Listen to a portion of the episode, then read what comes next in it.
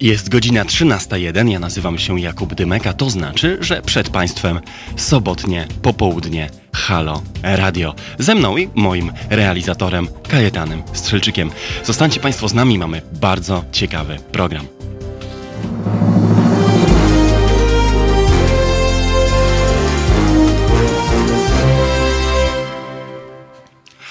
Jest sobota, 6 czerwca 2020 roku, godzina 13.02 i witam Państwa ze studia Halo Radio w Warszawie przy ulicy Marszałkowskiej w ten piękny, wiosenny, pachnący już rozgrzanym betonem i zielonymi drzewami sobotnie popołudnie. Witam Państwa. Wydarzyło się sporo, od kiedy słyszeliśmy się po raz ostatni tydzień temu, kiedy um, miesiąc czerwiec dopiero się zaczynał. Bo wtedy zaledwie kilka dni zaczęła się na poważnie chyba kampania prezydencka przed wyborami, które wydaje się będą we wszystkich kategoriach nielegalne, niekonstytucyjne i przeprowadzone w poprzek wszelkich znanych nam procedur, a jednocześnie jakby ten fakt zupełnie nie istniał, są zaakceptowane i dokonują się przy udziale wszystkich sił reprezentowanych w parlamencie. Kandydaci zanieśli w świetle kamer i otoczeni wianuszkiem swoich zwolenników i sztabowców podpisy i wymagane dokumenty do Państwowej Komisji Wyborczej. Ci, którzy muszą po raz wtóry je zebrać, czyli w tym przypadku prezydent miasta stołecznego Warszawy Rafał Trzaskowski w osobach tysięcy wolontariuszy te podpisy w całej Polsce zbierają, a proces wyborczy zdaje się idzie swoim normalnym trybem. Tak to chyba czasami w demokracji bywa, że musimy się wszyscy, jakkolwiek by to krępujące, czy jakkolwiek by to krępujące nie było, wszyscy musimy czasem przymknąć oko na to, że nie można dochować zawsze wierności wszelkim procedurom, a kompromis polityczny bierze górę nad surowo rozumianą literą prawa. Ja nie jestem z tego powodu, mówiąc szczerze, zachwycony i nie chciałbym występować tu w roli kogoś, kto będzie polityków opozycji rozgrzeszał z ich e, błędów, zaniechań i pomyłek. Podkreślam tylko, że chyba w tym przypadku po prostu jakaś wola politycznego kompromisu, jakiś e, rodzaj troski o. Mm, społeczny spokój i wreszcie, to chyba najważniejsze, mocna polityczna wola do tego, żeby do wyborów ostatecznie doprowadzić i dać szansę swoim kandydatom, zdecydowała, że musi być tak, a nie inaczej. Pytanie, co będzie, gdy wybory wygra faktycznie któryś z kandydatów opozycji i władza postanowi wtedy je zakwestionować. Nie mówię, że tak będzie, mówię, że być tak może. I wtedy spyszna będą mieli się ci, którzy twierdzili od początku, że, e, że wybory są jak najbardziej dobrym pomysłem. Ale nie ma co ukrywać, że e, w jednym miejscu jest dziś gdzieś prawo i litera konstytucji, a w zupełnie innym społeczne nastroje. Od tego uciec nie można. No ale to tyle w Polsce. E, w rzeczywistości większość uwagi, przynajmniej gdyby patrzeć na media społecznościowe i naszą w nich dyskusję, w ostatnim tygodniu pochłaniały wydarzenia za granicą, a konkretnie w Stanach Zjednoczonych, gdzie e, protesty, bunt społeczny i e, zamieszki na ulicach po e, policyjnym zabójstwie 46-letniego mieszkańca Minneapolis w stanie Minnesota, Georgia Floyda, trwają już drugi tydzień. Właściwie amerykańska polityka jeszcze do niedawna pochłonięta perspektywami na kampanię prezydencką w cieniu lockdownu E, kryzysu gospodarczego i koronawirusa wykonała duży piruet z dala od wszystkich tych jakże poważnych przecież dylematów, które ustawiały całą amerykańską politykę w minionym półroczu. Dziś, dziś wydawać się może, że nie dzieje się za oceanem zupełnie nic. A my, i to pytanie, czy w geście pewnej odpowiedzialności i uwagi na to, co dzieje się dookoła, czy raczej pewnej bezmyślnej fascynacji i zaślepienia, śledzimy to, jak gdyby również i u nas był to najważniejszy z możliwych tematów. Zaś to, co e, realnie dzieje się w kwestii zagrożenia zdrowia publicznego, pandemia, kryzys zdrowotny, ryzyko e, nowej fali zakażeń zniknęło z naszego horyzontu absolutnie i to chyba najbardziej czytelny znak tego, jak dalece zmęczeni byliśmy tym jednotorowym, bardzo monotematycznym kształtem debaty w minionych miesiącach. To niestety smutne, że krzywa zachorowań i krzywa zainteresowania mediów ostatecznie musiały się rozjechać, ale tak było to, e, tak było to pewne, jak smutne jest w swoich skutkach. Lekarze przecież dalej walczą, pielęgniarki, lekarze i cała służba zdrowia dziś dalej wymaga naszego wsparcia, a dyskusja o tym, jak wspierać medyków, czy należy e, w nowych tarczach antykryzysowych i w polskim budżecie i wreszcie w dyskusjach o kształcie gospodarki w ogóle inaczej potraktować sferę usług publicznych i wreszcie czy stać nas na niedopłacanie do opieki zdrowotnej wręcz zniknął. My w dzisiejszym programie nie znajdziemy czasu, żeby porozmawiać o wszystkich tych e, tematach, a a to dlatego, że zgodnie z taką dość przewrotną regułą, którą staram się tutaj na antenie od kilku tygodni stosować, wynajduję dla Państwa tematy, które nie zdominowały mediów w minionym tygodniu, czy też nie narzucały się nam ze wszystkich zakątków internetu, telewizorów i odbiorników radiowych a były przez to nie mniej ważne. Dzisiaj porozmawiam ze znanym z tej anteny doskonale Państwu moim kolegą Marcinem Celińskim, szefem wydawnictwa Arbitror, autorem niedawnej książki Duda i jego tajemnice, publicystą o polityce historycznej, a konkretnie o e, znaczeniu daty 4 czerwca, niedawnej rocznicy pierwszych częściowo wolnych wyborów parlamentarnych w Polsce w 1989 roku i o tym, co ta rocznica, jej symbolika, jej ciężar, znaczenia, które za nią idą, znaczy dla aktualnej kampanii przed wyborami. Temat może wydawać się e, cokolwiek cokolwiek filozoficznie sformułowane, ale proszę uwierzyć mi, że to, co kto dzisiaj myśli o 4 czerwca 1989 roku, jak wyglądają lub nie wyglądają obchody tej rocznicy i gdzie w naszym porządku zbiorowych wyobrażeń, pamięci historycznej i rytuałów społecznych mieści się 4, 4 czerwca, mówi nam o polskiej polityce, nastrojach i podziałach w naszym kraju bardzo, bardzo wiele. O tym już za kilka minut z Marcinem Celińskim, moim kolegą z anteny Halo Radio, publicystą, szefem wydawnictwa Arbitror. A ja już teraz korzystając z okazji chciałbym przywitać wszystkich Państwa na czacie. Dzień dobry, Państwu jestem, witam. Chciałbym przypomnieć, że jak zawsze tradycyjnie możecie swoje pytania do mnie i do moich gości kierować pod dwa adresy mailowe. Dymek małpa halo.radio i halo małpa. Pomyliłem się, nie Kajtek. Teraz małpa halo.radio. Widzicie Państwo, realizator w programie radiowym jest potrzebny nie tylko po to, żeby było nas dobrze słychać, ale także po to, żeby łapał prowadzącego za słówka, kiedy ten pomyli się w kwestii nawet tak banalnej, jak adres mailowy do studia. Teraz małpa halo.radio i numer telefonu 482239 Na Wasze pytania czekam również e, pod transmisją dzisiejszego programu na Facebooku Halo Radio. To tyle w tej części, gdzie zapowiadam nadchodzący sobotni program. Jak zawsze jesteśmy tu z Państwem do godziny 15. Zostańcie z nami, już za chwilę dołączy do rozmowy Marcin Celiński. Wracamy za kilka minut.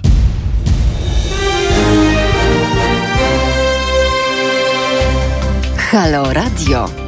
Gadamy i trochę gramy.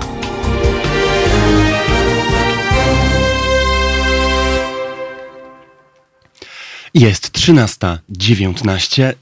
Ja nazywam się Jakub Dymek. To był Bob Marley i The Wailers I Shot the Sheriff. Cokolwiek ironicznie wybrzmiewa ta buntownicza piosenka w tym gorącym politycznie czasie w ostatnich dniach, a z nami jest już zapowiedziany gość zdalnie, chociaż obecny na pewno z nami duchem yy, i znany Państwu doskonale z tej anteny i nie tylko, Marcin Celiński. Halo Marcinie. E, dzień dobry Państwu, witaj Jakubie, witaj Kajtku. No, nie da się ukryć, że wszyscy się tutaj doskonale y, znamy, no ale postaramy A, się. Prze przepraszam, mieliśmy być na pan, tak? Myślę, że myślę, że to byłoby cokolwiek zbyt oficjalne.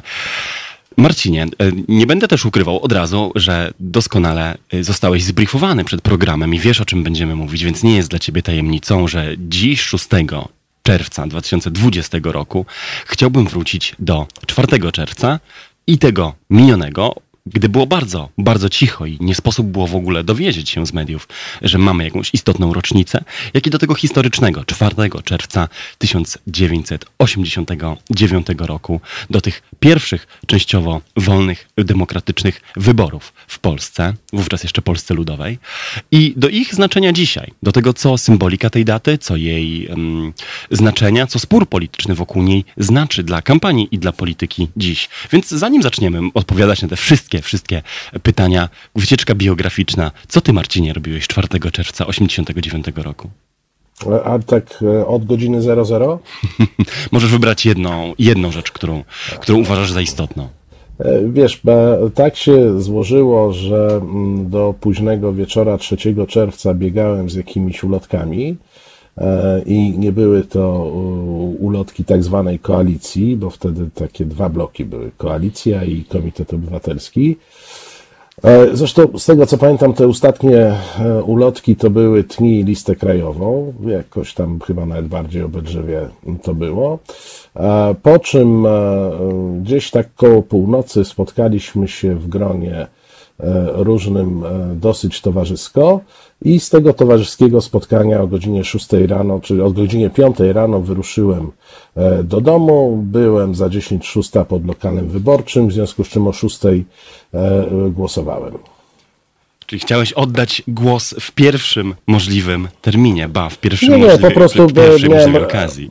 Nie, miałem racjonalną, e, racjonalną rachubę, że nie opłaca mi się dojść do domu, przespać i dopiero pójść głosować, tylko będę miał głosowanie E, za sobą i wtedy z poczuciem, e, że wykonałem e, plan na ten dzień, będę mógł się wyspać. A czy miałeś wtedy poczucie zatem, że trochę jak mówił rok temu prezydent Morawiecki, prezydent Andrzej Duda i pan premier Mateusz Morawiecki, brałeś udział w częściowym oszustwie? Nie, no to mówimy o, o ludziach, którzy mm, po pierwsze mają dosyć luźny stosunek do faktów, zarówno historycznych, jak i teraźniejszych. E, po drugie, mm, bardzo chętnie używają i to generalnie każdy obóz polityczny używa jakoś e, polityki historycznej. Można to robić bardziej bądź mniej e, przyzwoicie. No ten obóz robi to wyjątkowo nieprzyzwoicie i przekracza E, wszelkie granice.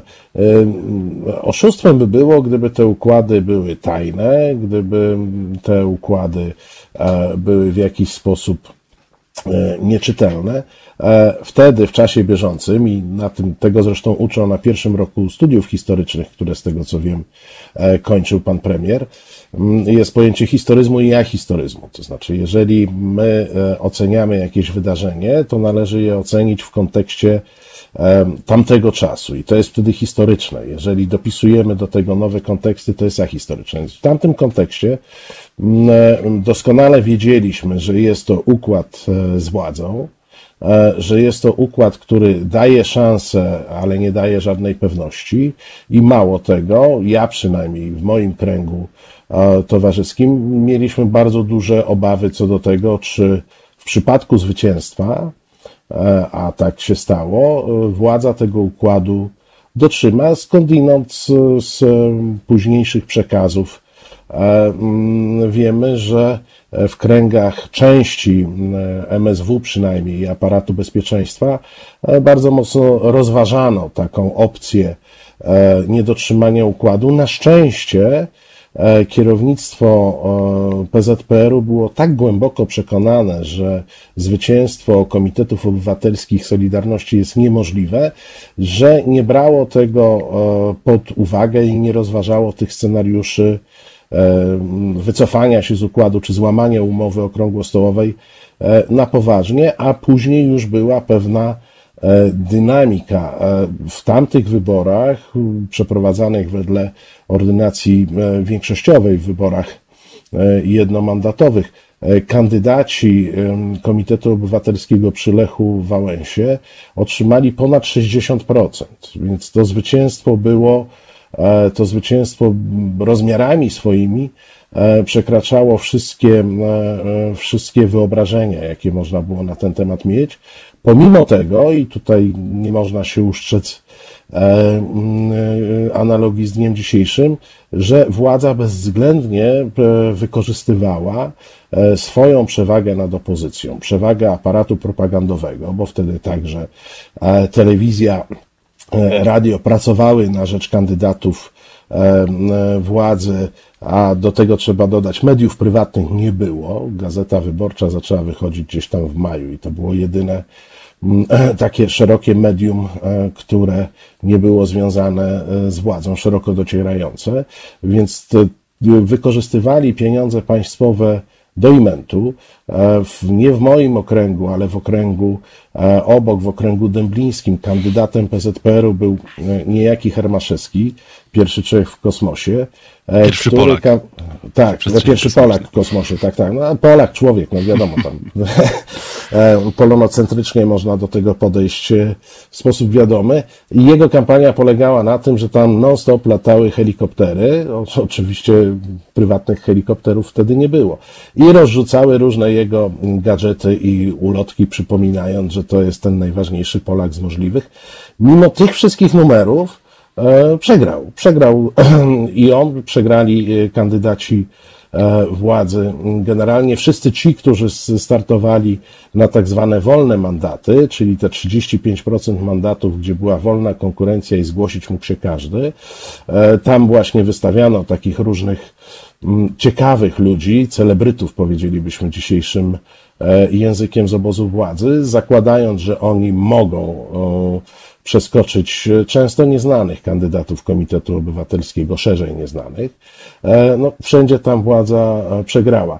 W związku z czym 4 czerwca to jest jednoznaczne powiedzenie mm, PRL-owi nie, jednoznaczne odrzucenie tego systemu jako jako przyszłości dla Polski. Jest inną rzeczą, że po stronie Komitetu Obywatelskiego E, no, nie było jednoznacznej wizji, e, co się stanie po odrzuceniu PRL-u. To miało swoje, jak mawiał Wałęsa, plusy dodatnie i plusy ujemne. To znaczy, z jednej strony e, negatywem było to, że ten program nie był sformułowany. Wyrzucamy PRL, a co w zamian nie było to sformułowane.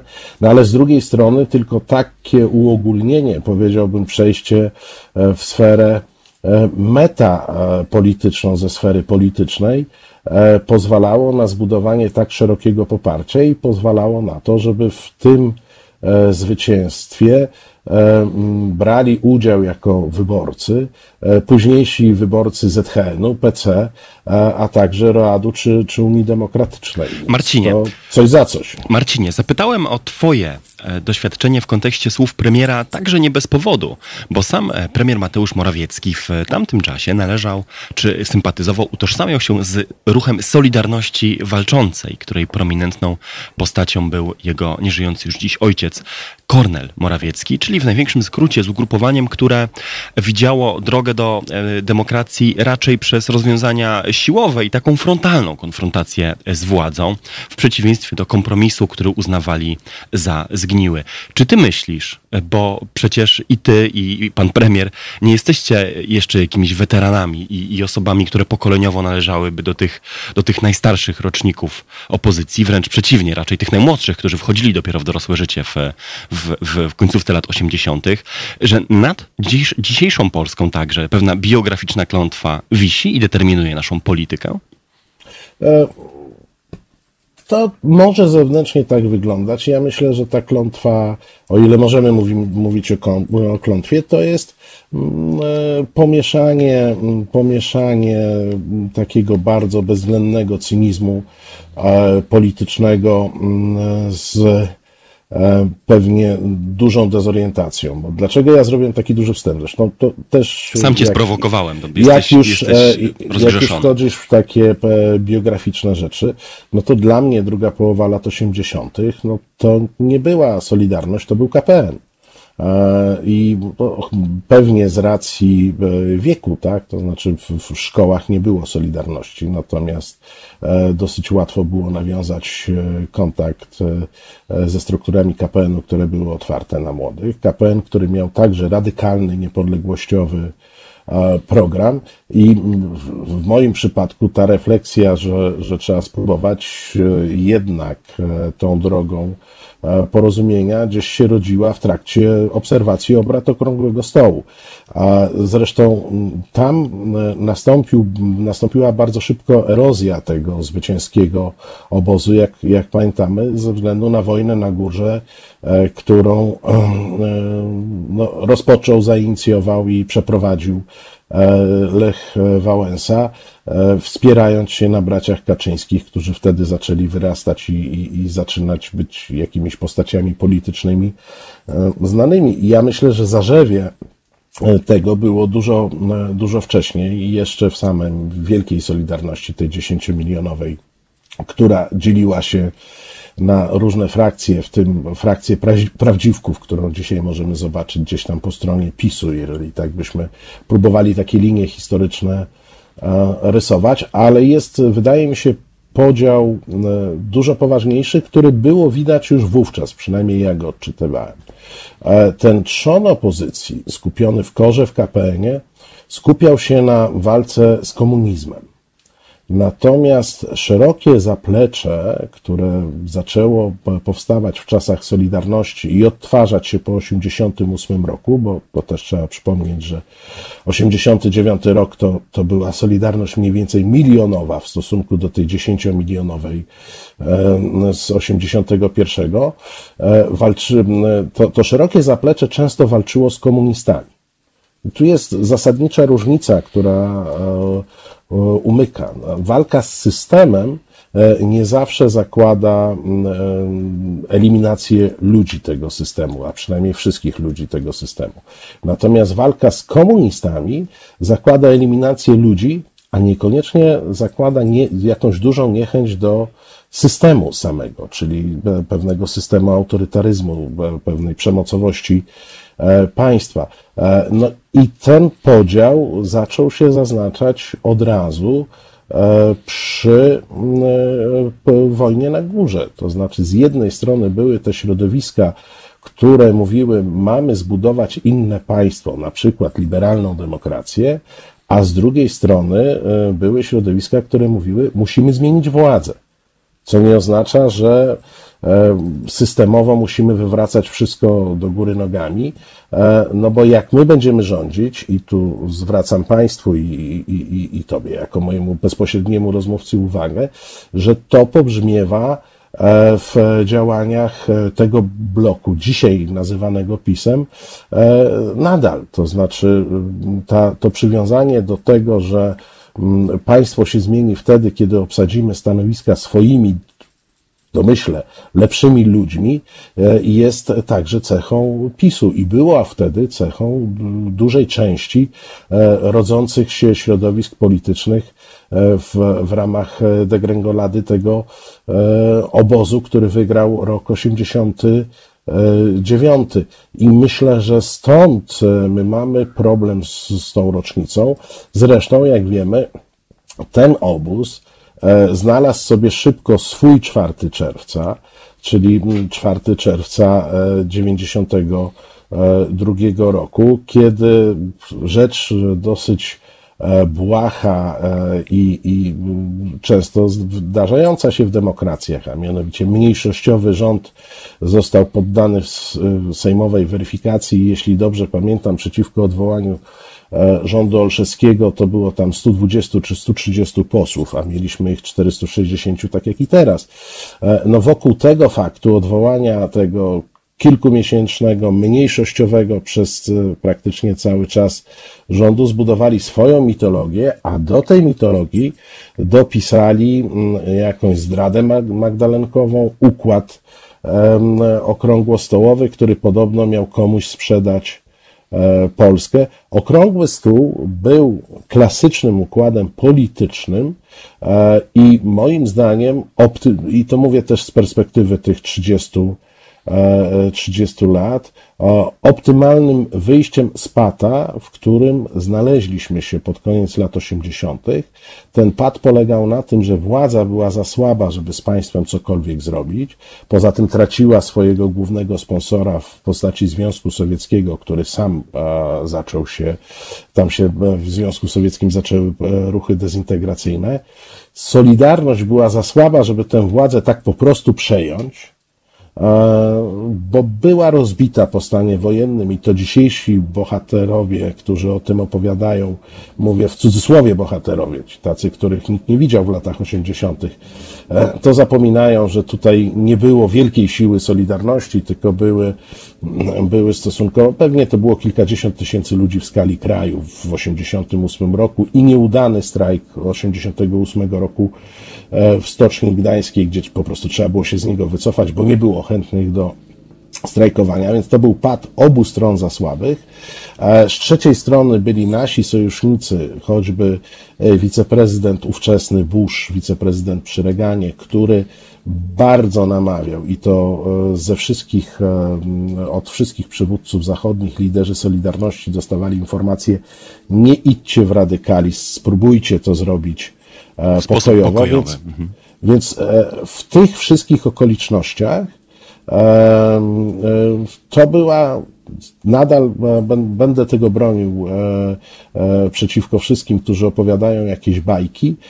To była optymalna ścieżka wyjścia z PRL-u, wyjścia z totalitaryzmu i wyjścia z bloku wschodniego. Oczywiście ta ścieżka musiała być rozciągnięta na lata i działa się, i działa się przez kolejne lata i działa się stopniowo. No, pierwszym krokiem przełomowym były wybory 4 czerwca, no potem były wolne już zupełnie wybory e, prezydenckie w grudniu 90 roku. Później był, jeśli dobrze pamiętam, październik 91, czyli e, wolne wybory do Sejmu e, i Senatu. W 93 roku opuściły nas wojska sowieckie, o czym też ci nowi historycy jakoś nie pamiętają, że myśmy w 89 roku E, e, przeprowadzali te wybory w kraju, w którym stacjonowało około 250 tysięcy żołnierzy sowieckich. E, to można dzisiaj sobie mówić. No, no to dla niektórych, dla niektórych była to zachęta do jeszcze większego radykalizmu, dla innych wręcz przeciwnie. No ale myśmy, myśmy radykalizm przećwiczyli i na własnej skórze w, i przećwiczyliśmy na skórze choćby Węgrów w 56 E, roku i dzisiaj można sobie dywagować oczywiście, e, że w 89 roku Rosjanie nie podjęliby interwencji, no ale te dywagacje trochę inaczej wyglądały w 89 roku. Ten koleś się walił i czuć było, że, że on się wali. E, bezpieka polska była coraz słabsza i to było odczuwalne, ale to nie oznaczało, że oni jeszcze nie byli w stanie urządzić tutaj krwawej łaźni, żeby daleko nie szukać, e, e, no, sytuacja rumuńska chociażby. Gdyby na czele, gdyby nie okrągły stół, gdyby nie tego typu układy z komunistami, mógłby być scenariusz rumuński. No, ja rozumiem, że iluś e, dzisiejszych bohaterów bardzo by się z tego cieszyło, ale wówczas to jednak zwyciężył, zwyciężyła linia taka, że my mamy tą Polskę budować, a nie po raz kolejny zniszczyć. I do tego, co fakt nie przelania krwi w roku 89 znaczy dla nas dzisiaj, czyli o symboli symbolice tej daty i polityce historycznej, która jej towarzyszy, chciałbym porozmawiać z Tobą za chwilę. Zostawię teraz Państwa z Nikiem Kershawem i Wouldn't It Be Good. Do rozmowy z Marcinem e, wracamy za kilka minut. To jeszcze nie koniec, a wręcz przeciwnie, początek naszej rozmowy o tym, co 4 czerwca znaczy dla polskiej demokracji wtedy i dziś.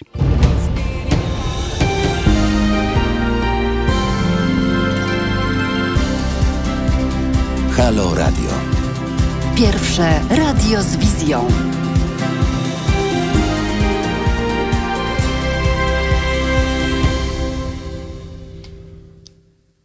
13.43 to jest sobotnie popołudnie Halo Radio ze mną Jakubem Dymkiem.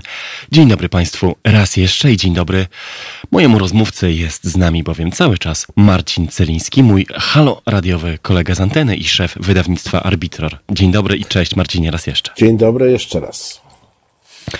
Porozmawialiśmy trochę w pierwszej części naszej rozmowy o historycznych kontekstach 4 e, czerwca i pewnych interpretacjach. Część z nich jest, e, część z nich jest znana, część, e, część może dalej budzić kontrowersje, ale co do historii raczej sporu nie ma. Natomiast istotny spór jest o coś innego, chyba zgodzisz się ze mną, o politykę historyczną i o to, jak w przestrzeni takiej zbiorowej pamięci, w przestrzeni państwowych rytuałów i jakiejś takiej przestrzeni tego, co dla naszej zbiorowości i społeczeństwa ważne, 4 czerwca się odciska lub nie.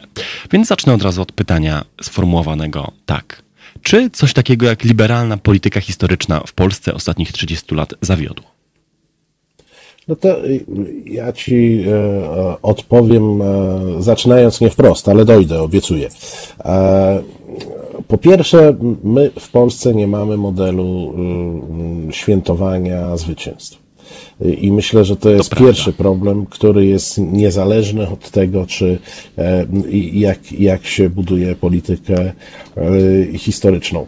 E, my mamy model budowania, świętowania wielkich klęsk bardzo dobrze przećwiczony. Na to możemy ewentualnie narzucić coś, co budziło w latach 90. jeszcze taką głęboką odrazę, czyli ta państwowa celebra, tak? To znaczy znaczy każdy z mojego pokolenia, kto był tam przynajmniej raz przegoniony, żeby świętować bitwę pod Lenino, e, czy coś w tym guście, to na, na jakiejś akademii, czy jakimś innym e, e, caprzyku, to po prostu miał do tego głęboki wstręt odruchowy, do takiej celebry. I nawet kontynuacja celebry państwowej przy przywróceniu pewnych e, świąt, takich jak, nie wiem, 3 maja czy, czy 11 listopada, to tam jakby nie było żadnego nowego wątku, tylko była ta celebra trochę taka jak za komuny, e, e, powiedzmy sobie uczciwie, nieporywająca. My zawsze możemy sobie popatrzeć z dużą zazdrością, nie wiem, na amerykańskie parady, czy, czy nawet na parady w Europie Zachodniej z różnych świąt, na te radosne święta. No u nas czegoś takiego nie ma. Nie wiem dlaczego. Znaczy, pewnie trochę wiem, ale to temat na inną dyskusję. I to jest jakby jeden wątek, że my nie mamy, nie mamy takiego wzorca świętowania zwycięstw, a 4 czerwca był zwycięstwem, więc jak go świętować, skoro tam nie ma w ogóle nikogo, kto by zginął, e, nikogo, gdzie można by było zapalić znicze i uczcić e, minutą ciszy. No, święto, którego nie da się w Polsce e, odbyć. Druga rzecz, i ja tu jestem akurat bardzo, ale to bardzo krytyczny wobec pewnego obozu myślenia, bo nie powiem politycznego, bo to by zawęziło. Bardzo krytyczny, to znaczy E, największym moim zdaniem e, zaniechaniem e, tej odrodzonej Polski to były zaniechania w zakresie edukacji, która została pozostawiona trochę sama sobie. Tam było dużo reform takich strukturalnych, a to w, w, w samym toku nauczania, żonglowanie godzinami takimi czy innymi, a to stworzyliśmy gimnazja, gimnazja, potem zlikwidowaliśmy te gimnazja, e, co spowodowało, że tak naprawdę nie było polityki historycznej, bo polityka historyczna, e, ta dobrze rozumiana, tak, żebyśmy też odróżnili od tego, co, co prawica i PiS robi, e, to jest odpowiedni dobór faktów, faktów, nie interpretacji w toku nauczania.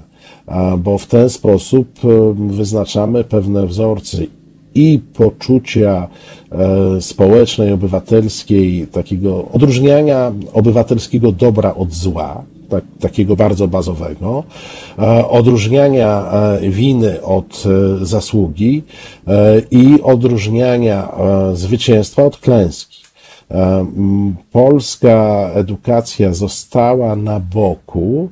E, oczywiście na to są jakieś różne wytłumaczenia, bo trzeba było naraz reformować wszystko i gdzieś ta edukacja sobie tak pozostała. No ale prawda jest taka, że już w latach 90 E, w późnych latach 90. można było z pewnym przerażeniem, e, z mojego punktu widzenia, zauważyć, że lekcje historii to są właśnie opowieści o wyklętych, zaklętych bardzo często o mitach, a nie o faktach, że przeładowany program powoduje, że kurs historii e, w szkołach kończy się tak naprawdę na II wojnie światowej, bo nauczyciele nigdy się nie wyrabiają. Jeśli w ogóle, no, też to, optymistyczne tak. założenie, że on do II wojny e, dociera. Zresztą to, to samo jest z kursem e, e, literatury, poezji. On też utyka gdzieś między dwudziestoleciem a, a wojną. Jeżeli coś spowojnia jest, to, to bardzo śladowo. W związku z czym no, tutaj sami żeśmy sobie wyprodukowali pewien problem związany z tym, że kolejne pokolenia wchodziły w życie albo E, z takim, e, i to nie jest e, pretensja do tych pokoleń, to jest pretensja do tych, którzy ich edukowali, od razu zaznaczam, czy próbowali edukować, albo bez wiedzy, albo z wiedzą bardzo jednostronnie ukształtowaną na bazie interpretacji, a nie faktów. I to też wiąże się z tym, że my generalnie w Polsce, znowu wypływam na szersze wody, nie potrafimy się rozliczać z historią. To znaczy z własnymi, e, z własnymi e, zwycięstwami i klęskami, E, co jest naturalnym w życiu społeczeństw i narodów, że e, przechodzi pewna ewolucja e, faktów, że moim ulubionym przykładem, pewnie kiedyś w jakiejś rozmowie naszej używałem, to są Amerykanie, którzy przy wojnie wietnamskiej najpierw kręcili film pod tytułem Zielone Berety, gdzie John Wayne dzielnie zabijał jakichś niewidocznych żółtych ludzi, czym to nie byli ludzie, to, to byli jacyś niewidoczni żółci, no a później nastąpił ten wątek rozliczeniowy i mieliśmy łowcę jeleni chociażby, zupełnie inny, więc to w, w, kulturze masowej takie rozliczenie Amerykanów z wojną wietnamską jakoś następowało. Przecież my jesteśmy w roku 2020, a nie jesteśmy nawet rozliczeni z hekatombą Powstania Warszawskiego, bo to jest e, temat, który uczestniczy w bieżącej polityce, więc nie można e, postawić e, kontrtezy, żeby nie być przypisanym do jakiegoś obozu politycznego. I to samo, ten, ten sam los spotkał 4 e, czerwca. E, mało mówiliśmy, także na kursie, nie wiem, to, to się wiedza o społeczeństwie chyba nazywa. E, mało mówiliśmy o tym, co tego 4 czerwca tak naprawdę z perspektywy historycznej się stało, że to jest ważna data. Na wiedzę o społeczeństwie bardziej było tak wtłaczane, że tak, prawda, nowa struktura, a potem najlepiej to przejść do wyliczanki, jakie są ciała europejskie, do których żeśmy przystępowali, e, bez głębszej refleksji, po cośmy to e, wszystko e, zrobili, tylko jakie są i, i gdzie są.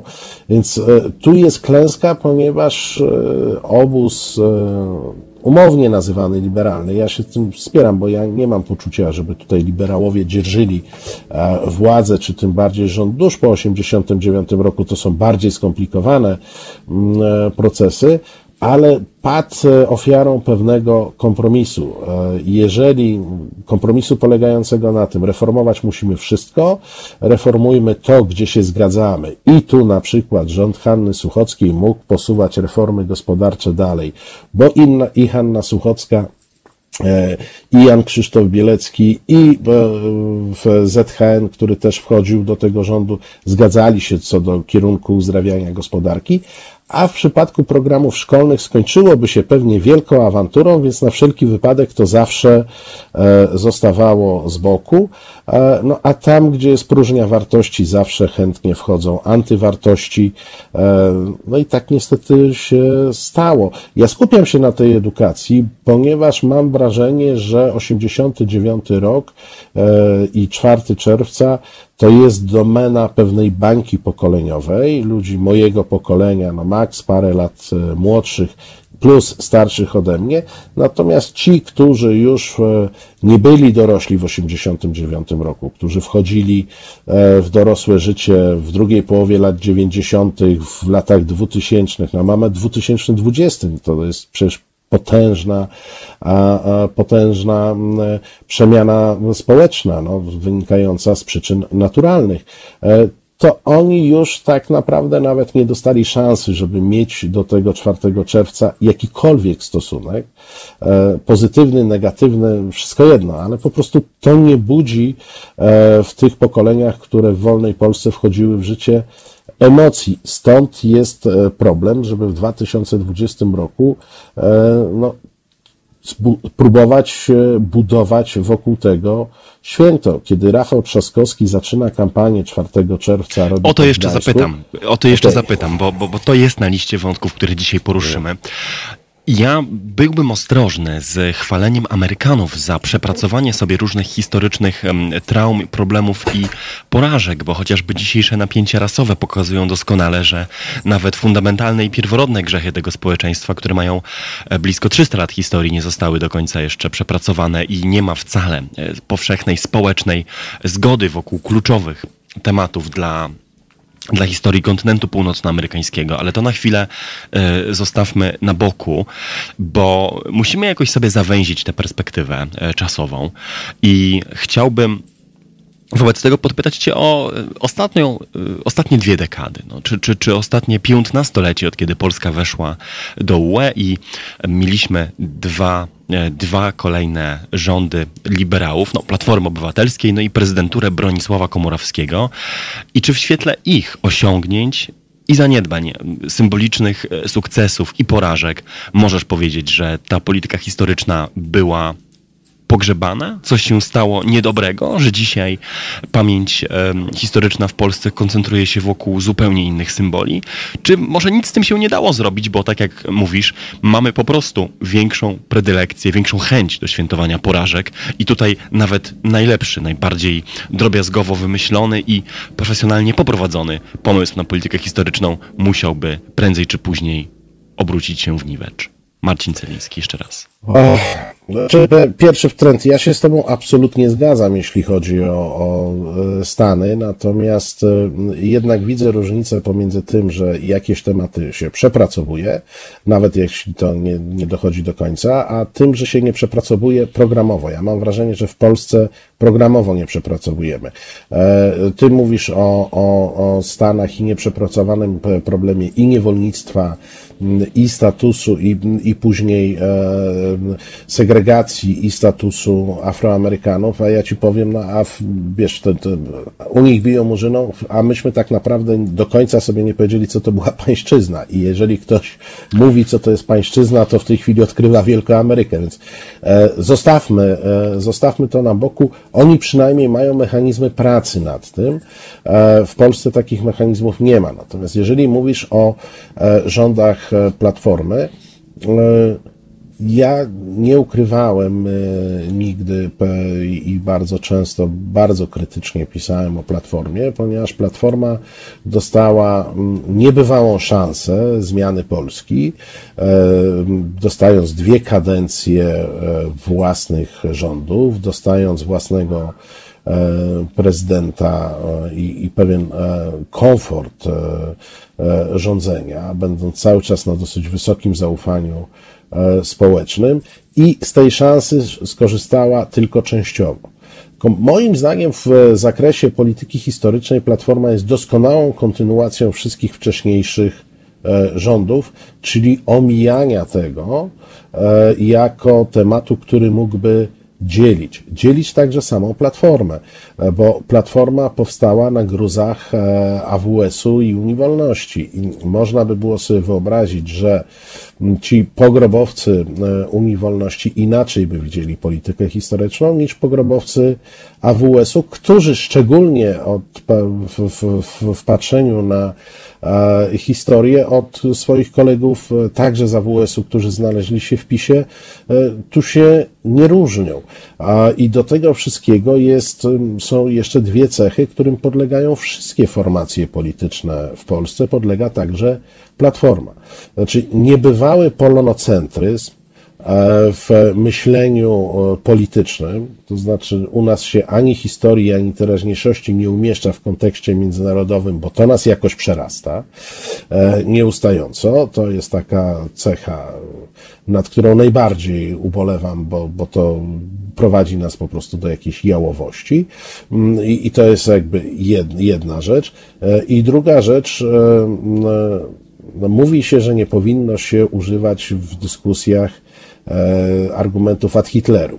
Gdyby w Polsce któregoś dnia zakazano użycia w debacie politycznej e, e, interpretacji historycznych faktów, gdybyśmy wprowadzili taką ustawę, to zapadłoby długie milczenie. Bo w Polsce ciągle historii używa się jako pałki na e, przeciwnika. No, no, no, co ja mam mówić? No, stoicie tam, gdzie stoi ZOMO. No, no, jaki sens ma takie twierdzenie? No, ale jest to jakaś interpretacja polityczno-historyczna, która ma być. No to z drugiej strony idzie, no robicie, PiSie jesteście nowym PZPR-em. E, znowu użycie y, historii. No, większe, w normalnej debacie politycznej mówi się PiSie, jesteście źli okradacie nas, prowadzicie kraj w złym kierunku.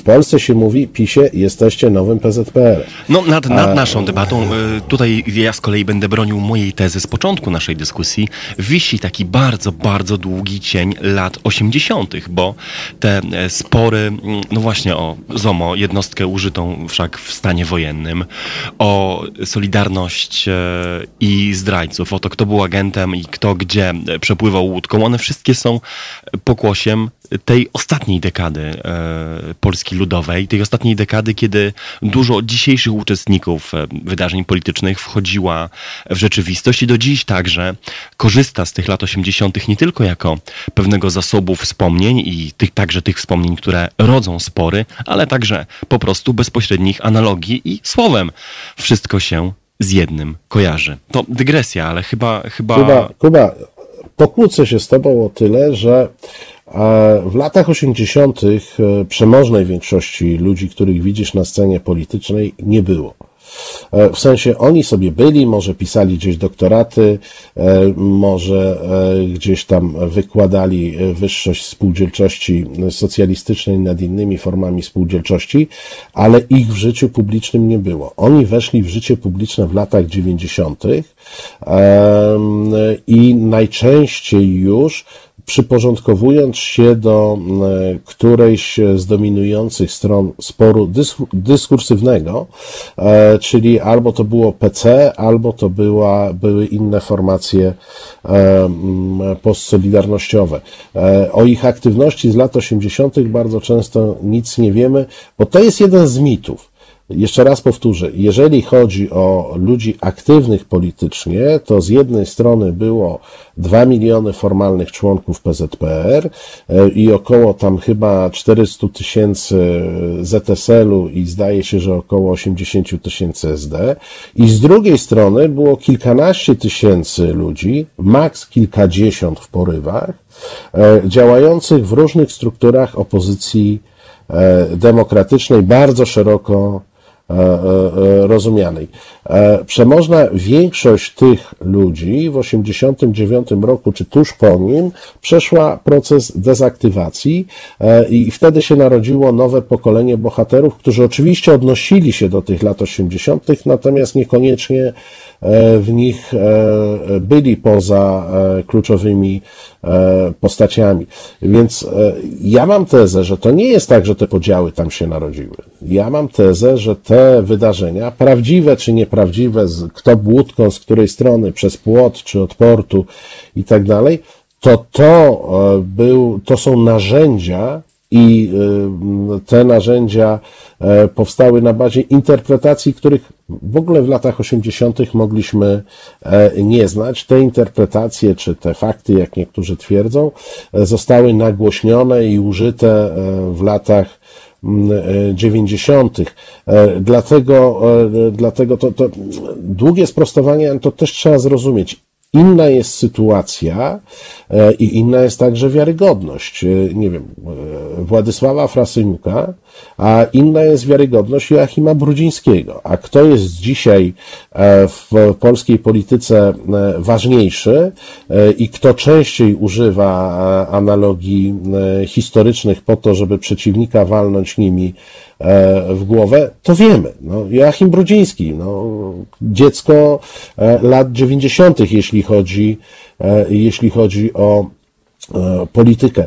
Jest wadą tego naszego dyskursu nadużywanie tej historii i przede wszystkim nadużywanie nadinterpretacji, bo język polityki nie jest językiem historycznym. Używa się tego po to, żeby kogoś uderzyć. W związku z czym, ponieważ jeżeli będziemy obstawiać tezę, że Lech Wałęs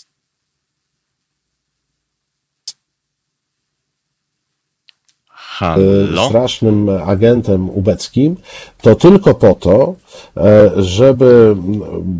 Jesteś? Halo, halo? Jestem. Marcinie. Halo, halo? Halo, halo. Marcin, ja cię słyszę i nasi słuchacze cię słyszą. Ale tak czy inaczej, musimy w tym Ja, momencie... ja słyszę, nie wiem. Mhm. W tym momencie musimy zrobić przerwę w naszej rozmowie i wrócimy do wątków tych najaktualniejszych już po The Stranglers i Golden Brown. A wszystkim, którzy nas słuchają lub dopiero zaczęli nas słuchać, chciałbym przypomnieć, że wszystkie nasze audycje w Halo Radio są do znalezienia na podcastach, więc jeżeli część naszej rozmowy z Marcinem z dzisiejszego sobotniego popołudnia nawet wam umknęła, to nic straconego. Na stronie halo.radio i na wszystkich innych platformach podcastowych, z których korzystacie, czy będzie to Spotify, czy Apple Music, czy Google Podcasts, znajdziecie i tą, i większość naszych haloradiowych audycji jeszcze tego samego dnia lub kolejnego od rana. Więc zachęcam najgoręcej do, do sprawdzenia tego, co w serwisach podcastowych od nas, od redakcji Halo Radio możecie znaleźć, w tym także i tę rozmowę. My wracamy do y, Marcina i tematu 4 czerwca 89 roku i jego rocznic w polskim życiu publicznym po The Stranglers i Golden Brown. Słyszymy się za chwilę.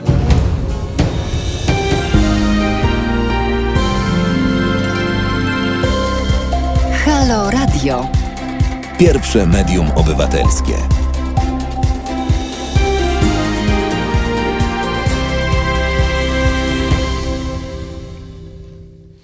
Czternasta dziewięć.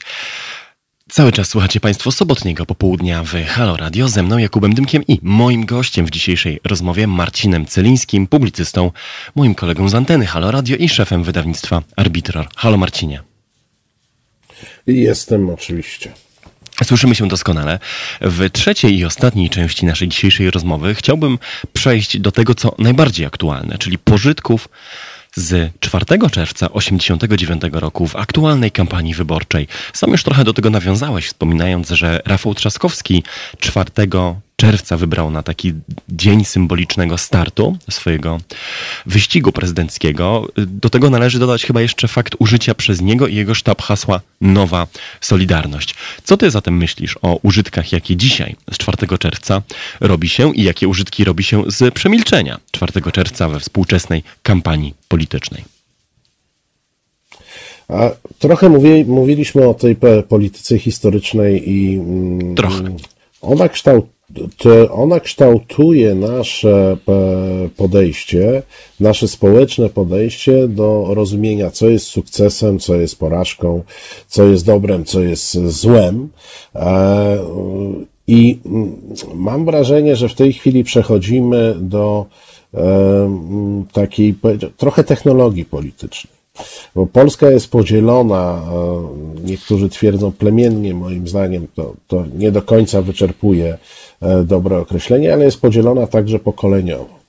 E, I mam wrażenie, że mm, w dyskusji socjologów na ten temat, jak można spowodować, żeby Polacy odrzucili mm, władzę PiSu i ten kierunek, który w tej chwili podążamy, czyli kierunek odchodzenia od Unii Europejskiej, odchodzenia od świata e, Zachodu, e, na rzecz e, powrotu do aspiracji prozachodnich i demokracji liberalnej od lat pojawiały się dwa wątki. Jeden wątek, moim zdaniem, myślenia życzeniowego i drugi wątek, mm, i drugi wątek bardziej realny. To myślenie życzeniowe było takie, że powstanie jakiś nowy, młody ruch, E, który wyrzuci tych dziadków e, pokolenia 89, którzy rządzą dzisiejszą polityką, czyli tych, e, którzy weszli do polityki w latach 90. i stworzyli te bloki E, które nam cały czas towarzyszą. No jeden można by nazwać centrowo-lewicowym, czy centrowo, czy liberalno-lewicowym. Drugi blok to ten konserwatywno-prawicowy, który nas właśnie próbuje ze struktur, e, nie tylko ze struktur, ale przede wszystkim z cywilizacji e, europejskiej wyciągać. No i że przyjdzie taka nowa siła, która wywróci stolik, te bloki przestaną istnieć. Nie wiem, coś na kształt lat 90. we Włoszech. Padają chadecy, padają komuniści tam z jednego dnia, z, dnia na dzień, e, dwie siły, które, które ze sobą rywalizowały, przestają istnieć, powstają różne drzewa oliwne i tym podobne e, rzeczy. Oczywiście nigdy nie ma stuprocentowej wymiany kadr, no ale jest jakby nowe myślenie. I, I takich e, prób podejmowano w Polsce parę i one paliły na panewce. Drugie myślenie socjologów, którzy patrzą na to przez pryzmat badań nastrojów, to jest takie, żeby jeszcze raz zmobilizować, dokąd e, żyją, mówiąc bardzo brutalnie, e, pokolenia przywiązane do wolności, e, przywiązane, właśnie to pokolenie, które pamięta przełom 89 roku, jest w stanie odnaleźć w sobie tamtą emocję i tamtą radość. Oczywiście do tego, żeby E, stworzyły się polityczne warunki do, do wzbudzenia takich emocji, PiS musiał trochę porządzić, bo, e, bo PiS przecież nam nigdy nie powiedział, że zrywa z demokracją liberalną, e, że zrywa ze strukturami europejskimi. Nadal temu każdy polityk PiS zaprzeczy, w związku z czym mogliśmy się przez jakiś czas dawać nabierać. Chociaż akurat, przerwę ci na dosłownie sekundę, ale chociaż akurat to, że osoby starsze i pamiętające demokratyczne przełom roku 89 i jakoś biograficznie sympatyzujące z tamtymi czasami i bohaterami tamtych czasów, od początku byli bardziej antypisowscy, więc ich przekonywać y, z kolei nie trzeba było nie. bardzo. Oczywiście, że tak, tylko mówimy o dwóch warstwach. Ludzie to była tylko dygresja. E, zaangażowani w życie publiczne oczywiście dawali znać, natomiast ja mówię o tych milionach ludzi, którzy nie byli zaangażowani publicznie, nie działali w sektorze pozarządowym. E, oni często, bardzo dawno temu podjęli decyzję, że polityka ich jakoś nie dotyczy. E, że mogą robić swoje. Zresztą, między nami mówiąc, taki był cel tej, jeden z celów tej rewolucji, to był taki, że będziemy żyli w normalnym kraju i nie będziemy musieli politykować, rozrzucać ulotek czy nalepiać plakatów, tylko zajmiemy się swoimi e, sprawami, tak jak to robią Niemcy, Holendrzy e, czy czy inni. No, wiem, że w dzisiejszym kontekście pewnego rozedrgania społecznego na całym świecie. Brzmi to dziwnie, ale z perspektywy lat 90. czy 2000 e, można było powiedzieć, dobra, zrobiłem co swoje w polityce, teraz ten kraj się toczy raz bardziej, w, w, raz szybciej, raz mniej, ale w dobrą stronę, w związku z czym ja mogę spokojnie, nie wiem, prowadzić swój biznes, wykonywać swoją pracę, skupiać się na tym, żeby moje bratki na balkonie były najpiękniejsze e, w okolicy. E, więc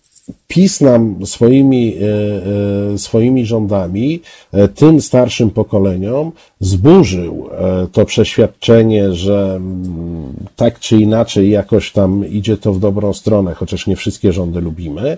Doprowadził w mojej ocenie do, do sytuacji, w której pewne stare emocje odżyły i myślę, że do tych emocji odwołuje się Platforma i sztab Trzaskowskiego, to znaczy odwołuje się do tych, którzy się zdezaktywowali, których rządy PiSu zaktywowały, którzy szukali jakiejś nadziei na przywrócenie Polski na, na tory państwa zachodniego, mówiąc pewnym skrótem myślowym. No i tutaj Rafał Trzaskowski trochę daje nadziei jako ten, który jednak nie jest w polskiej polityce od Sejmu kontraktowego, czy od, od 91 roku jest zupełnie innego E, pokolenia, a nie dość, że z innego pokolenia, to jeszcze młodo wygląda jak, jak na swój bieg, więc to jest dodatkowy, e, dodatkowy efekt. Czyli to jest ta druga teza. Jeżeli nie, nie tworzy nam się nowa siła, która mm, wywraca ten stolik i, i niszczy stare formacje, to musimy poszukać sposobu, żeby jeszcze raz zmobilizować e, licznych przecież w Polsce ludzi, którzy nie chcą być Europą Wschodnią, E, tylko chcą być e, demokracją, e, chcą żyć w demokracji liberalnej i jak sobie wybierają model życia, to ten model życia ich wymarzony to jest raczej model niemiecki czy, czy francuski, przynajmniej wyobrażenie tego modelu, a nie nieustająca wojna i nie, nieustające spełnianie własnych ambicji na wzór rosyjski chociażby. Więc ja myślę, że to jest na to nastawione, żeby tych zmobilizować, zmobilizować to pokolenie, które pamięta emocje 89 roku, a jednocześnie, i to jest tam inna, e, inna zupełnie warstwa tej kampanii, to jest uderzanie do tych, których po prostu PiS zbrzydził. A, a takich też jest coraz więcej. E, I to już jest ponadpokoleniowe, to zbrzydzenie jest ponadpokoleniowe, e, bo tu się pojawia też, e, moim zdaniem, ważny nowy wątek w tej kampanii. Jazda mediów pisowskich i PiSu pod Trzaskowskim jako antykatoliku jest o tyle, mam o tyle mniejszy wymiar, że pięć lat temu stawianie e, społeczeństwu, obywatelom, w których większość czuje związek e, z Kościołem katolickim, alternatywy katolik, nie katolik miało sens i budziło emocje. W tej chwili ta perspektywa wygląda trochę inaczej po tych pięciu latach rządów. Mianowicie jest to pytanie złodziej czy nie katolik. I na to pytanie już się odpowiada zupełnie inaczej. No tak, tak. Dodajmy, tyl, dodajmy tylko, że przychylanie się do narracji o tym, jakoby Rafał Trzaskowski był niekatolikiem, jest no podwójnie no. bez sensu. Jest podwójnie bez sensu, bo po pierwsze, e, chyba i mnie, i ciebie, i dużą część słuchaczy i słuchaczek Halo Radio kwestia e, wyznania kandydata nie interesuje, ale po drugie, zwyczajnie chyba jest to nieprawdą, ponieważ Rafał Trzaskowski jest e, z tej samej głównonurtowej szkoły e, Geremków, Mazowieckich, e, Michników i Kościoła Otwartego, który w, który w Polsce jest, jest absolutnie nie na jakimś antyreligijnym, świeckim marginesie polityki, tylko w jej samym centrum i całym centrum życia publicznego. Chyba się zgodzisz. Wiesz, no to, to, to jest rzecz oczywista, poza tym e, rzecz nie w samym wyznaniu, tylko w sposobie uprawiania polityki. Otóż e, dokąd ja jestem zaratustrianinem, e, to jest wszystko ok, dopóki nie żądam od wszystkich dookoła, żeby także byli zaratustrianami. Natomiast model katolicyzmu w wersji PiS, ja już pomijam całą hipokryzję i tym podobne rzeczy, jest taki, że skoro oni są katolikami i rządzą, to także Jakub Dymek i Marcin Celiński mają być e, katolikami. E, I, I to jest ta zasadnicza różnica. Więc dla mnie prezydent katolik nie jest problemem, o ile nie wymaga ode mnie, żebym ja był e, katolikiem. Marcinie, y, nie chciałbym, żeby temat e, Rafała Trzaskowskiego zdominował tę część naszej rozmowy, no ale trochę tak wyszło. Część komentatorów hasło Nowa Solidarność głównego kandydata na prezydenta w szeregu sił opozycyjnych interpretuje jako pewien postulat społeczny i walkę o nowy, nowy rodzaj społecznej umowy i programu społecznego dla e, Polski pod jego rządami, co ja uważam za trochę wtórne chyba wobec tego znaczenia słowa Nowa Solidarność Solidarność, znaczenia słów nowa Solidarność, które powstaje, gdy ogłasza się start własnej kampanii 4 czerwca w rocznicę pierwszych częściowo wolnych wyborów. Czy ty się ze mną zgodzisz, że tu znowu historyczny kostium znaczy więcej niż jakiś realny postulat społeczno-gospodarczy, który miałoby to hasło ze sobą nieść i że znowu obserwujemy, moim zdaniem zresztą całkiem bystrą, elokwentną, przemyślną, ale grę na symbolach przede wszystkim. Ale e, wiesz, bo dobre hasło ma to do siebie, że każdy może je zrozumieć e, trochę inaczej, byleby je polubił. Sam fakt, że o nim mówimy, pozwala myśleć, że jest ono udane, prawda? Nowa Solidarność dla, dla ludzi e, pokolenia 89 ma jednoznaczną konotację historyczną, natomiast myślę, że ono nabiera także nowego znaczenia dla tych ludzi, którzy nie są emocjonalnie związani z latami 80. czy 90., ze względu na to, co się w Polsce dzieje. E, książka, która, której niestety ja nie wydałem, no ale Łukasza Pawłowskiego o nowej e, prywatyzacji e, jest dobrą syntezą tego, co zrobiły rządy PiS, to znaczy e, zupełnie zdekomponowały państwo pod kątem e, usług wspólnych. To, co się dzieje w tej chwili w państwie i to, jak jest konstruowana redystrybucja dochodów, to jest zaprzeczenie solidarności. E, ponieważ mamy sytuację, w której nie łożymy na usługi wspólne typu służba zdrowia, typu edukacja, e, natomiast dajemy każdemu do kieszeni 500 zł. E, I nie chcę tu, broń Boże, nie wejdźmy tylko w dyskusję o 500, plus, bo to że można by było oszaleć, ale ja mówię o pewnej filozofii rozumienia państwa i dysponowania budżetem.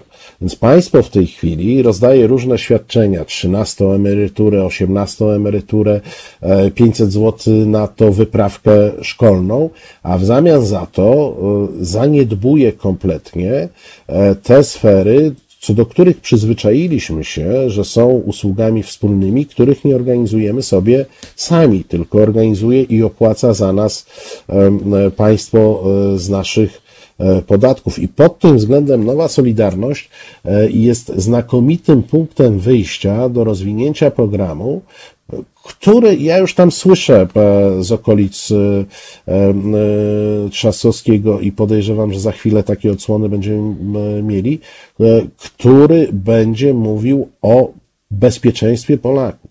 O bezpieczeństwie Polaków w zakresie służby zdrowia, o bezpieczeństwie e, Polaków e, także e, w zakresie policji, bo my się skupiamy na policji i jej dziwacznych działaniach wobec opozycji, a zapominamy, jak bardzo ta policja, także policja jest niedofinansowana i niedoinwestowana. I tu program Nowej Solidarności można rozpisać bardzo szeroko, przywracając funkcję państwa. No jest rzeczą absurdalną, żebym ja, ortodoksyjny liberał, bronił wydatków na cele, e, na cele usług wspólnych przed teoretycznie socjalistami e, z PiSu, no ale to tak jest, no oni te pieniądze e, dadzą, znaczy dadzą każdemu z nas 500 zł i każą, każą sobie radzić samemu. To jest dobre z perspektywy, kiedy mam grypę, to ja wezmę 500 zł, znaczy nie biorę niestety, bo nie jestem w tej puli, ale powiedzmy dla mnie też mogą coś wymyśleć, jakieś 500 coś. E, biorę te 500 zł i kupuję sobie aspirynę. To jest fatalne w momencie, kiedy e, mówimy o onkologii, w momencie, kiedy zderzamy się choćby z epidemią e, i, i zobaczmy, jak wszystkie słabości tych usług publicznych epidemia obnażyła. No to przez miesiące nikt nie wiedział, co robić, jak robić, a ludzie słyszeli, i to jest przypadek autentyczny, który ja znam, że mm, na uwagę pracowników, którzy dostali na miesiąc trzy maseczki jednorazowe, pracowników laboratorium, w którym bada się próbki, e, szef powiedział, na uwagę, że to są jednorazowe, więc w zasadzie są na, powiedzmy na trzy dni, e, szef powiedział, ale to można uprać i wtedy nie są jednorazowe. Więc mówimy o takiej, o, o, o takiej sytuacji i e, zakładam, że ta nowa Solidarność to może być program przywracania e, i dostępności i powszechności usług publicznych, z którymi przez całe trzydziestolecie bywało różnie, natomiast w ostatnim pięcioleciu, mam wrażenie, programowo e, zostały odstawione e, na bok i programowo zrezygnowano z ich budowy. Czy jednak nie było już tak, że wybory sprzed pięciu lat, te z 2015 roku, były pewnego rodzaju referendum czy plebiscytem na temat tego, jak retoryka Złotego Wieku i jak w ogóle bilans 25-lecia demokracji w Polsce wygląda. I tych wyborów najbliższych, tych aktualnych, tych nadchodzących, prezydenckich, po prostu jakby się nie chciało i jakimi hasłami by się nie szermowało, nie można sprowadzić e, do tego samego tematu i one muszą być o czymś innym. Więc nawet hasło Nowa Solidarność jakoś, pomimo swojego wielkiego symbolicznego ciężaru, nie e, odtworzy ani tej atmosfery, ani też nie samo w pojedynkę swoją mocą nie zmieni emocji społecznych, które krążą wokół czegoś innego. Jesteśmy, znaczy, oczywiście ja bym wolał, żeby kampania była bardziej skierowana ku przyszłości, tylko nie bardzo w to wierzę, bo e, jak wiadomo, podstawową linią narracyjną PiSu jest AZAPO e, i, i pewnie nie zmienią tej linii e, narracyjnej. I pewnie jesteśmy skazani jeszcze raz na bardzo podobną e, debatę, moim zdaniem jałową i wtórną, ale jeden czynnik w tej debacie się e, zmienił, e, a mianowicie PiS pokazał alternatywę. To znaczy, pięć lat temu PiS mówił, że to w ogóle jest stracone 25-lecie, spisek komunistów, którzy tu, prawda, e, wykończyli ten kraj, który mógłby mlekiem i miodem płynąć, gdyby nie ten, nie to 25-lecie e, po 89 roku.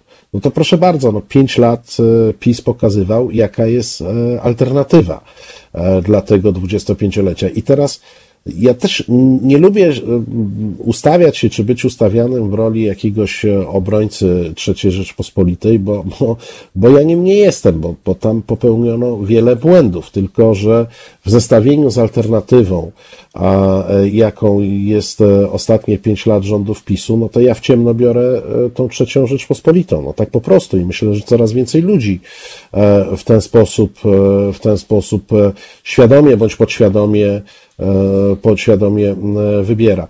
Do tego wszystkiego, no, powiedzmy, że jednak mieliśmy e, w tym, e, w tym, w tej trzeciej Rzeczpospolitej możliwość dosyć gładkiego wybierania opcji i drogi.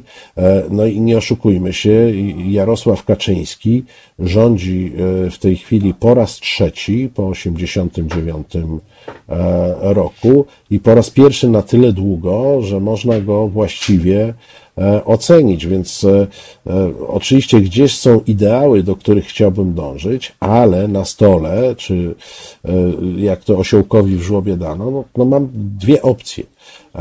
Albo Polskę, która ma problemy, ale jednak ma wytyczony kierunek prozachodni i budowy dosyć nowoczesnego państwa, co idzie lepiej, gorzej i mnóstwo można marudzić, że, że wiele rzeczy dałoby się zrobić e, lepiej, albo Polskę, która jest w, moim, w mojej ocenie no, doprowadzana do ruiny, doprowadzana do ruiny nie tyle ze względu na poglądy polityczne czy, czy linie e, PiSu, ile na, co ostatnie miesiące najbardziej wykazały, stopień skorumpowania i nieudolności tej władzy. Więc zakładam, że jednak e, władzę nieudolną i skorumpowaną, nawet jak jest katolicka, jest e, dosyć łatwo w końcu odrzucić.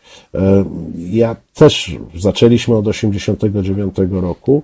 Ja myślę, że motywacją bardzo wielu, jeśli nie większości ludzi, którzy wtedy powiedzieli komunistom nie, nie była ideologia komunistyczna, szczególnie, że w latach 80. ci komuniści już tam nie byli jak coś bardzo twardogłowi, ile e, no była to, było to odrzucenie bardzo nieudolnej władzy, która pogrążała e, kraj w kryzysie i po której było widać, że nie ma absolutnie żadnego pomysłu, e, jak e, pozwolić nam, Polakom, żyć na przyzwoitym poziomie przy zapewnieniu podstawowych swobód. I tu do jakiegoś stopnia mamy powtórkę tej sytuacji E, poza fanatykami, którzy nie zwracają uwagi na stan państwa, no nikt chyba o zdrowych zmysłach nie wierzy, że PiS jest w stanie e, uchronić Polskę przed skutkami e, pandemii, które dopiero nadejdą, przed skutkami kryzysu gospodarczego, w którym się pogłębiamy, nawet jak jeszcze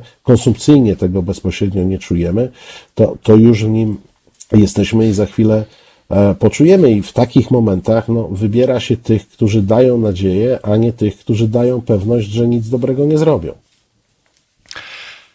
Nie chcę nadużywać Twojego czasu, ale za tym, żebyśmy, żebyśmy skończyli, tak jak zaczęli, na pytaniu o symboliczny ciężar e, pewnych rocznic i ich znaczenie. Niektórzy wzywali do bojkotu tych wyborów. E, I wtedy pojawiło się bardzo wiele wypowiedzi, analiz, takich publicystycznych tekstów o tym, że gdyby w 1989 roku wygrała strona wzywająca do bojkotu, zrywania porozumień, um, udawania, że tylko w radykalizmie pewna droga, a każde wybory są jakiegoś rodzaju y, oszustwem i zawsze można je podważyć, wygrała, no to dzisiaj nie mielibyśmy tych samych dylematów, bo po prostu nie żylibyśmy być może w państwie demokratycznym. Czy ty brałeś udział w tych polemikach? Jak myślisz w ogóle o używaniu i nadużywaniu tej analogii z rokiem 89 dziś? Ostatnie pytanie. Po, po, pierwsze, e, to trzeba sobie powiedzieć tak, że nie było w 1989 roku żadnego znaczącego e, środowiska, e, które nie brałoby udziału w wyborach tamtych. KPN, który zdecydowanie przeciwstawiał się porozumieniom okrągłostołowym, wystawił swoich kandydatów na e, wolne mandaty. E, nie wystawiła Solidarność Walcząca, która do końca walczyła o to, żeby ich kandydaci byli na listach Komitetu Obywatelskiego, a nie znaleźli się tam przede wszystkim dlatego, że w Solidarności było głębokie przekonanie o tym, że Solidarność Walcząca to jest grupa ekstremistów sterowanych przez służby specjalne, a i, i przez SB e, konkretnie. I, I to była podstawowa blokada. Bano się ich jako konia trojańskiego bezpieki e, na tych listach. Natomiast jeśli chodzi o tą e, sytuację dzisiejszą, Analogia do tamtych czasów jest uzasadniona. Konstytucyjność wyborów 89 roku można było podważać, zgodność z konstytucją PRL-u, a na pewno można było e, podważyć zmianę ordynacji w trakcie wyborów pomiędzy pierwszą a, a drugą turą, ale w pewnych sytuacjach przełomowych, no niestety trzeba odejść od takiego bezkrytycznego i ortodoksyjnego formalizmu na rzecz w sytuacji nadzwyczajnej dobra wyższego. I dzisiaj wychodzę z tego samego założenia. To znaczy, gdybyśmy e, uparli się przy ortodoksyjnym formalizmie, to przez ostatnie pięć, lat zdaje się, że można by było połowę ustaw spokojnie e, zakwestionować, e, co najmniej jeden budżet państwa tam uchwalony w tej bocznej sali przy braku kworum i tak dalej, i tak dalej. Tu jest konkretne porozumienie polityczne, może nie takie jak wtedy, bo nikt do stołu z, ze strony PiSu nie siada, no ale to tak trochę korespondencyjnie. Dochodzimy do pewnego kompromisu, e, że wybory mają się odbyć e, pod koniec e, czerwca i nie dzieliłbym włosa na czworał, bo istotne jest to, że w tych wyborach możemy wybrać prezydenta, który nie będzie z PiSu, co oznacza, możemy zbudować tamę, temu, co niszczy Polskę, a Polskę niszczy od lat pośpieszna legislacja, niechlujna legislacja i e, przejmowanie przez PiS kolejnych e, struktur władzy. E, żeby daleko nie szukać, no, inny prezydent to by była zupełnie inna sytuacja, czy w Trybunale Konstytucyjnym, czy w Sądzie E, najwyższym. Więc jest to wartość i sytuacja nadzwyczajna, o którą warto się bić i przymknąć oczy na oczywistą niekonstytucyjność e, i złamanie różnych, e, przeróżnych reguł prawnych przy tych manipulacjach przy ordynacji. To, co jeszcze powinno wejść w grę i czego mi brakuje w tej debacie, to jednak opinii specjalisty. E, opinii e, dotyczącej bezpieczeństwa tych e, wyborów medycznego. I to już przechodzimy do czegoś, co w polskiej polityce od dawna jest,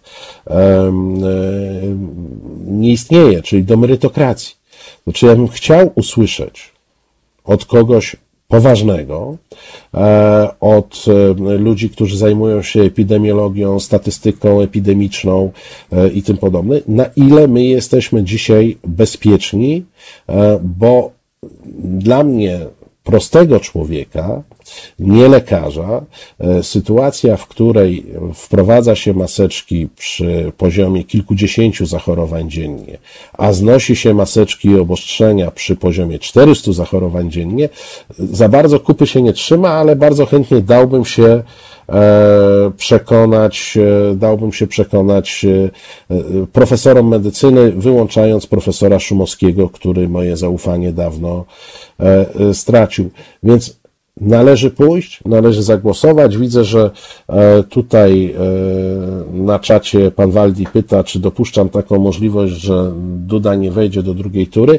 No, pewnie nie jest to duża, e, wielka możliwość, ale dynamika społeczna jest w tej chwili taka, że możemy mieć naprawdę zaskakujące, zaskakujące zupełnie przepływy elektoratowe i ja bym tam jakiś u Bookmachera dużych pieniędzy nie postawił, ale jakieś niewielkie to nawet mógłbym zaryzykować e, na takie, e, na takie rozwiązanie. To jest możliwe, obóz tej władzy zużywa się błyskawicznie i byłoby błędem, gdybyśmy w tym momencie nie skorzystali z możliwości zweryfikowania tego procesu e, zużycia obecnej władzy. E, mamy taką okazję teraz w związku z upływem kadencji prezydenta. Jeżeli jej nie skorzystamy, to możemy czekać dwa lata na wybory, e, czy ponad dwa lata na wybory parlamentarne. Więc teraz należy z tego, z tego skorzystać i nie dzielić włosa na czwora, uznać, że jest ten korespondencyjny układ e, polityczny. I tu znowu uprzedzając, wiem, że przedłużam Ci strasznie swoją bytność w tej audycji, ale mnie to, mnie to, nie, mnie to nie przeszkadza zupełnie. E, Skoro wyrwałeś e, się jeszcze do odpowiadania na, na pytania, których ja nie zdążyłem postawić, to tym lepiej. Marcinie, kontynuuj. A e, tu jest, e, e, tu jest jeszcze jedno oczywiste zagrożenie, to samo, które było w 1989 roku, choć z innych przyczyn. To może być tak, że Duda przegra, natomiast to, o czym mówimy, czyli niekonstytucyjność i złamania zasad przy kolejnych modyfikacjach ordynacji zostaną wykorzystane do podważenia wyboru innego kandydata e, niż Duda. To takie zagrożenie mieliśmy też w 1989 roku, ale wtedy wejdziemy w zupełnie inną dynamikę e, społeczną, ponieważ PiS będzie musiał anulować decyzję, decyzję obywateli, co do której my ma, będziemy mieli pełne poczucie, że ją podjęliśmy, czyli skończy się rozmowa, my PiS mamy większość, więc robimy co chce, zacznie się rozmowa, my PiS uniemożliwiamy wam e, wybranie prezydenta. To jest zupełnie i, i, myślę, że to mimo całego szaleństwa, mimo tego, że widać, że Kaczyński e, wyprowadzony z równowagi jest zupełnie, to ja myślę, że tu jednak zupełnie innej odwagi trzeba mieć, e, żeby pójść na tak taką, e, taką wojnę z większością głosujących, bo prezydent jakiś, nie Duda, będzie wybrany e, e, większością. I to by oznaczało tylko jedno, że PiS musiałby wprowadzić coś na, sta, na kształt stanu wyjątkowego ze wszystkimi rygorami, z wojskiem, policją, których po prostu nie ma. Bo to jeszcze różni od Kaczyńskiego, od Jaruzelskiego, że Jaruzelski miał 250 tysięcy wojska, kiedy wprowadzał stan wojenny, a Kaczyński ma Brudzińskiego i jeszcze paru tam, i Błaszczaka. No to trochę mało, żeby utrzymać kraj w ryzach. No, ale ma też e, wirtuoza wyborczego, człowieka zdolnego w pojedynkę. E, najpierw e, wydrukować, a potem zgubić 30 milionów kart wyborczych ministra Sasina. Tego, tego o, tak, nie, no to, to faktycznie to jest nie bra broń atomowa i, i, i tu należy się i, i, i tu należy się tu należy się obawiać, obawiać. jak najbardziej, tak. Sasin to jest taki, taki jak głowice jądrowe gdzieś tam pod ziemią, jak wyjadą, to trzeba się bać. Marcin Celiński, publicysta, mój kolega z anteny Halo Radio i szef wydawnictwa Arbitror. Dziękuję Ci bardzo za tę rozmowę. Bardzo Ci dziękuję, dziękuję Państwu. Do usłyszenia. Marcin y, będzie z Państwem na antenie, o ile się nie mylę, już jutro, prawda Marcinie? Jutro o 19. No więc zapraszam. właśnie, nie będziecie skazani na długą przerwę i długi post od y, głosu Marcina Celińskiego na tej antenie. E, ja się również będę za chwilę z Państwem żegnał, ale zanim to e, tradycyjnie chciałbym przypomnieć, że Halo Radio jest medium obywatelskim, które utrzymuje się z Państwa dobrowolnych wpłat i składek. To, jak możecie nam pomóc w wydawaniu na bieżąco i na żywo tego programu i wszystkich innych programów z naszej anteny, dowiecie się w zakładce Wspieraj na stronie halo.radio. E, My e, jesteśmy z e, Kajetanem na podcaście już. Kajetan, kiedy będziemy? Dzisiaj po południu? Do dwie godziny, mówi Kajetan. Do usłyszenia w wszystkich, na wszystkich platformach podcastowych, czy będzie to Spotify, Apple Podcasts, Google Podcasts, czy nasza haloradiowa strona i zakładka podcasty e, na niej. Mm, Ja e, żegnam się z Państwem na tydzień, bo słyszymy się normalnie w soboty o godzinie 13 w kolejnym odcinku sobotniego popołudnia Halo Radio ze mną i moimi gośćmi. E, Ja tylko e, przypomnę, że nazywam się Jakub Dymek, jestem dziennikarzem tygodnika Przegląd i jak co poniedziałek możecie też tam przeczytać moje teksty, do czego najgoręcej zachęcam. Już za chwilę na tej antenie Mariusz Gzyl i jego goście do godziny 17, a to i tak nie ostatni program, który leci dzisiaj na żywo do Państwa z naszego studia w Warszawie. Więc bądźcie z nami, życzę Wam wszystkim miłego weekendu, bawcie się bezpiecznie, do usłyszenia.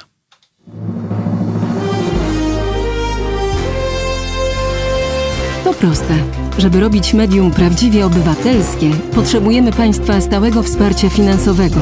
Szczegóły na naszej stronie www.halo.radio, w mobilnej aplikacji na Androida i iOS-a oraz na koncie Fundacji Obywatelskiej w serwisie www.patronite.pl.